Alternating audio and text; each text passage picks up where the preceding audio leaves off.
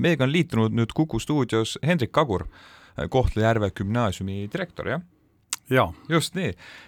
me hakkame rääkima natukene haridusest, me hakkame rääkima haridusest äh, Ida-Virumaal, õpetajatest ja, ja õpetajatest, kes õpivad siis nüüd hoolega eesti keelt selleks, et esimesel äh, septembril kaks tuhat kakskümmend neli saaks nad ametis jätkata. Hendrik, kuidas sinu pilgu läbi õpetajad on valmis, vene emakeelega õpetajad valmis selleks, et esimesel septembril siis enda ametis jätkata? no mina olen äh, riigigümnaasiumi direktor äh, Kohtla-Järvel ja noh, meil on äh, sada protsenti on kas C1 ema või emakeele oskajad, nii et noh, konkreetselt meie koolis ei ole mitte grammi võrdki seda probleemi. ühtlasi olen ma ka Kohtla-Järve linnavolikogu liige ja hariduskomisjoni liige ja tegelikult siis ka selle linna hariduseluga äh, mitmelt poolt kursis, et nii koolijuhina kui ka siis linna vaatest ja, ja linnas on seitse üldhariduskooli, mis kuuluvad linnale. Nendest jah, ongi siis kõik senini olnud, välja arvatud siis täiskasvanute gümnaasium, vene õppekeelega, nüüd siis lähevad kõik üle eestikeelsele haridusele ja no seis on, on halb hetkel, mis siin salata et linnakoolides, kui vaadata nüüd äh, eelmise aasta juunikuu andmeid, siis siis äh, kahesaja viiekümnest õpetajast, ütleme nii, kuuskümmend protsenti on äh, need, kellel on keelenõuded täidetud või vabandust, kellel ei ole keelenõuded täidetud ja nelikümmend on siis need, kellel on täidetud. üle poole siis? jaa, üle poolte on siis need, kellel ei ole ka taset B2 ehk siis B1, A2, A1 ja, ja teadmata, see on siis linna selline haridusstrateegia statistika, mis on ka avalikult kättesaadav. mis see, mis see nüüd tähendab, ähm, korraks äkki põrkame tagasi, mis taseme nad peavad siis uueks õppeaastaks saavutama? no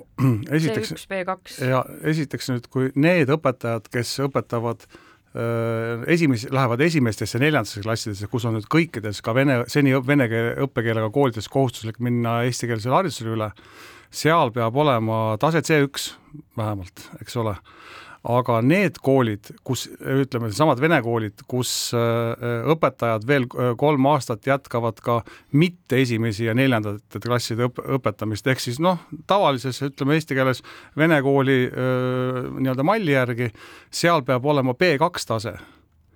B2 keeletase. täna, täna on valdavalt on siis ikkagi niisugune A2 B1, ütleme, kui me no tunnetuslikult räägime, et mis ja et idu. kui ei ole B2, siis on jah, järgmine sellest on A2, A1 mm -hmm. ja, ja täna siis on see seis, kus ei ole kuuskümmend protsenti ka B2 tasemel õpetajaid Kohtla-Järvel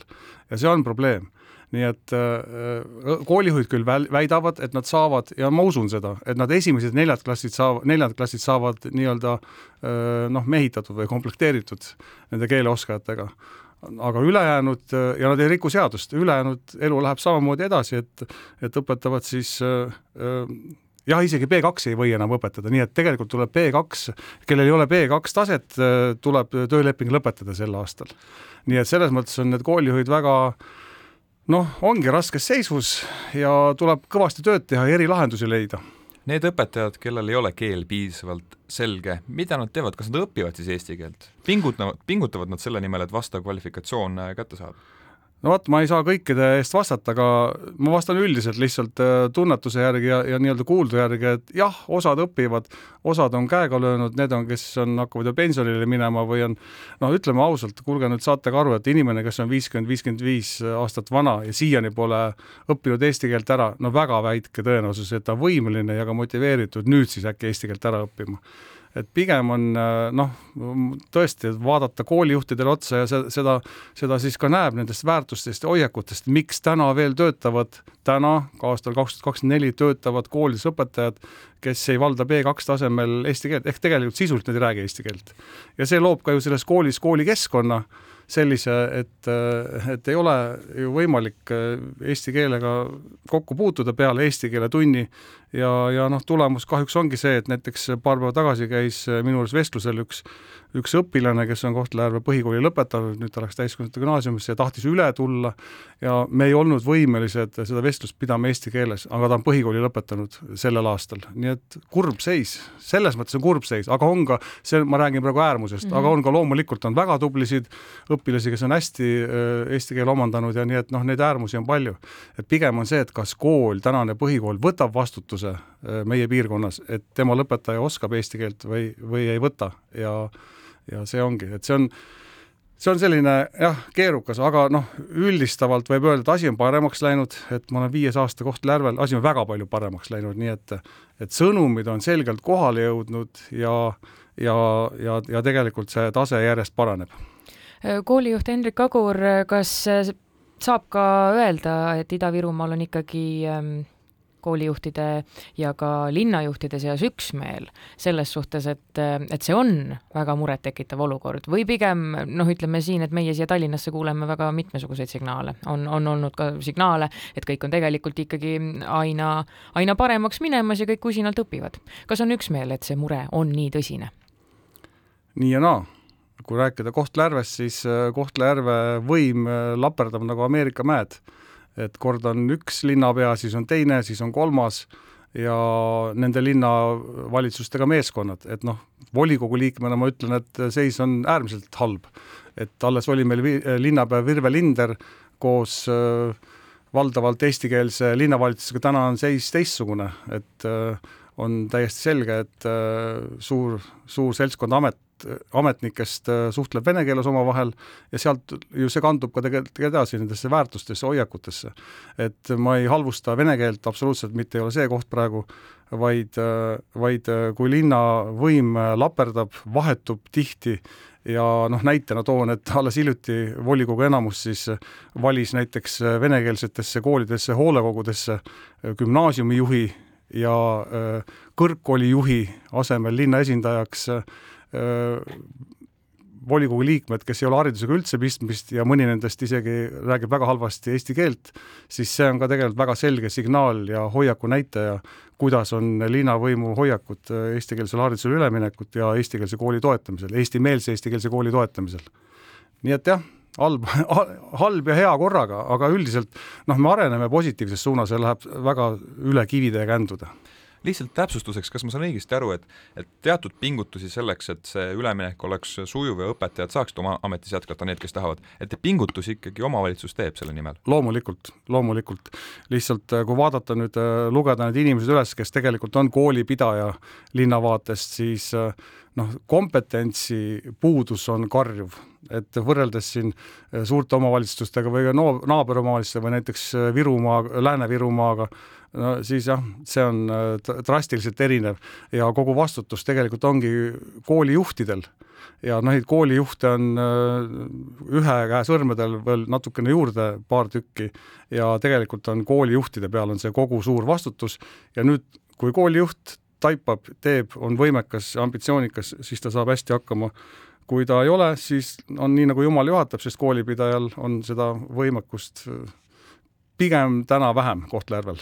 aga ka Ida-Virumaal, noh, Kohtla-Järvel on see arusaamine olemas ka vene keelt kõnelevate inimeste, ametnike seas samuti, et eesti keele õppimine on oluline ja see, et meie õpetajad räägiksid eesti keelt, see on oluline. ma saan aru, et see arusaamine on olemas. kindlasti, jaa. ja noh, teine asi on see, et Ida-Virul on jaa, selles mõttes on, on hästi, et kõik tunnetavad ja, ja saavad aru sellest, et nagu tagasikäiku pole ja ega keegi ei tööta otseselt vastu, seda, seda ei saa öelda. ja mis on hästi positiivne, on see ju, et Ida-Virul on, Ida-Virus on ka nüüd ju õpetajate palgakoefitsient kõrgem ning äh, see on üli-üli äh, suur tark tegu riigilt, et riik niiviisi on teinud. Ja praegu ma ütleks ausalt öeldes, et see, see jutt, et ma ei leia õpetajat Ida-Virumaale, siis ja kui, kui mõni koolijuht täna veel seda julgeb öelda, et ta pani kuulutuse õpetajaid tule, siis ma ütleks, et tõesti, et et hea koolijuht, et võta jalad kõhu alt välja ja tee tööd ja leia erilahendusi ja leia võimalusi. Hetkeks veel tagasi ähm, sellesse poliitilisse tausta, et äh, küsisin enne teilt üksmeele kohta. Äh, ma küsin parem otse, et kas, äh, te olete ju linnavolikogus, eks ole, Kohtla-Järvel, et kas ähm, on vastutöötamist, konkreetselt sellist vastutöötamist, et seda emakeelset haridust või eestikeelset haridust ikkagi ei ole vaja, sest et me teame, et Narvas on olnud väga tormilised ajad, eks ole. kuidas teil Kohtla-Järvel on? No ametlik vastus on, et ei ole vastutöötamist mm, -hmm. aga tunnetuslikult on. no mhm. seesama näide, et näiteks hoolekogudes valitakse gümnaasiumi ja kolledži direktori asemel linna esindajaks valitakse noh, haridusest väga kaugel käivad inimesed või isegi ilma eesti keele oskuseta, noh, kuidas seda nimetada siis mm? -hmm. et see on varjatud, aga linna muidugi juhtide poolt ja on, on see ikkagi koostöömeelne, pigem on see hinnangute küsimus, et kui meil alles viis aastat tagasi toonane, ei tea, mitu abilinnapead tagasi ütles, meil on kõik eesti keelega hästi Kohtla-Järvel, siis noh, täna on seesama retoorika, aga noh, asjad on paremaks läinud, seda ei saa öelda, et, et nüüd me oleme täpselt sama, nii et areng on märgatav ja kindlasti selle, see, see meie areng on selline vaevalisem aga ta on pidev, nii et äh, ikkagi äh, kõige tähtsam on see, et noored, vanemad ja ka vanavanemad, kellel on hästi suur mõju noorte üle, tunnetavad, et ilma eesti keeleta ei ole ja hea hariduseta ei ole võimalik enam hakkama saada, sellest ka need vaesused ja kõik noh, need probleemkohad, mis ida, sellel ilusal Ida-Virumaal on. olen ka Tallinnas ise kohanud, et äh et kui lähen no, pitsat ostma, noor naisterahvas, neiu või noormees on äh, pitsaputkas tellimust vastu võtmas ja ei oska sõnagi mulle eesti keelt öelda. kui, kuidas see olukord nüüd aastate jooksul näiteks Kohtla-Järvel nüüd paremaks läinud on, kas see protsent nendest noortest, kes kooli lõpetavad ja eesti keelt ei, sisuliselt ei räägi, on see, kui palju see paremaks läinud? no no see on jälle subjektiivne, aga kindlasti ta on paremaks läinud. no see pitsa näide on ka võib-olla Kohtla-Järvel, noh, üldiselt on nii, Kohtla-Järvel saab igal pool eesti keele hakkama, mingit probleemi pole. et eh, noh, võrreldes Narvaga on kindlasti eesti keele oskus palju parem. võib-olla on Kohtla-Järvel mõni üksik pood, kus eh, rõhutatult ei hakka nüüd poe nimesid loomulikult siin nimetama, kus rõhutatult vastatakse sulle vene keeles, aga üldiselt on inimesed püüdlikud, sõbralikud, vastutulelikud, et noh, ütleme, ei ole enam need ajad, mis võib-olla olid kümme-viisteist aastat tagasi. Et äh,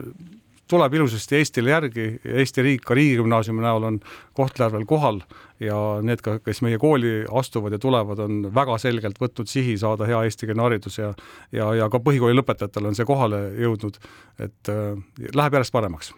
meil on nüüd äh, minut äh, intervjuu lõpuni küll jäänud, aga koolijuht äh, Hendrik Agur, olete täna meil siin stuudios, aga õpetajate streik ju käib ka.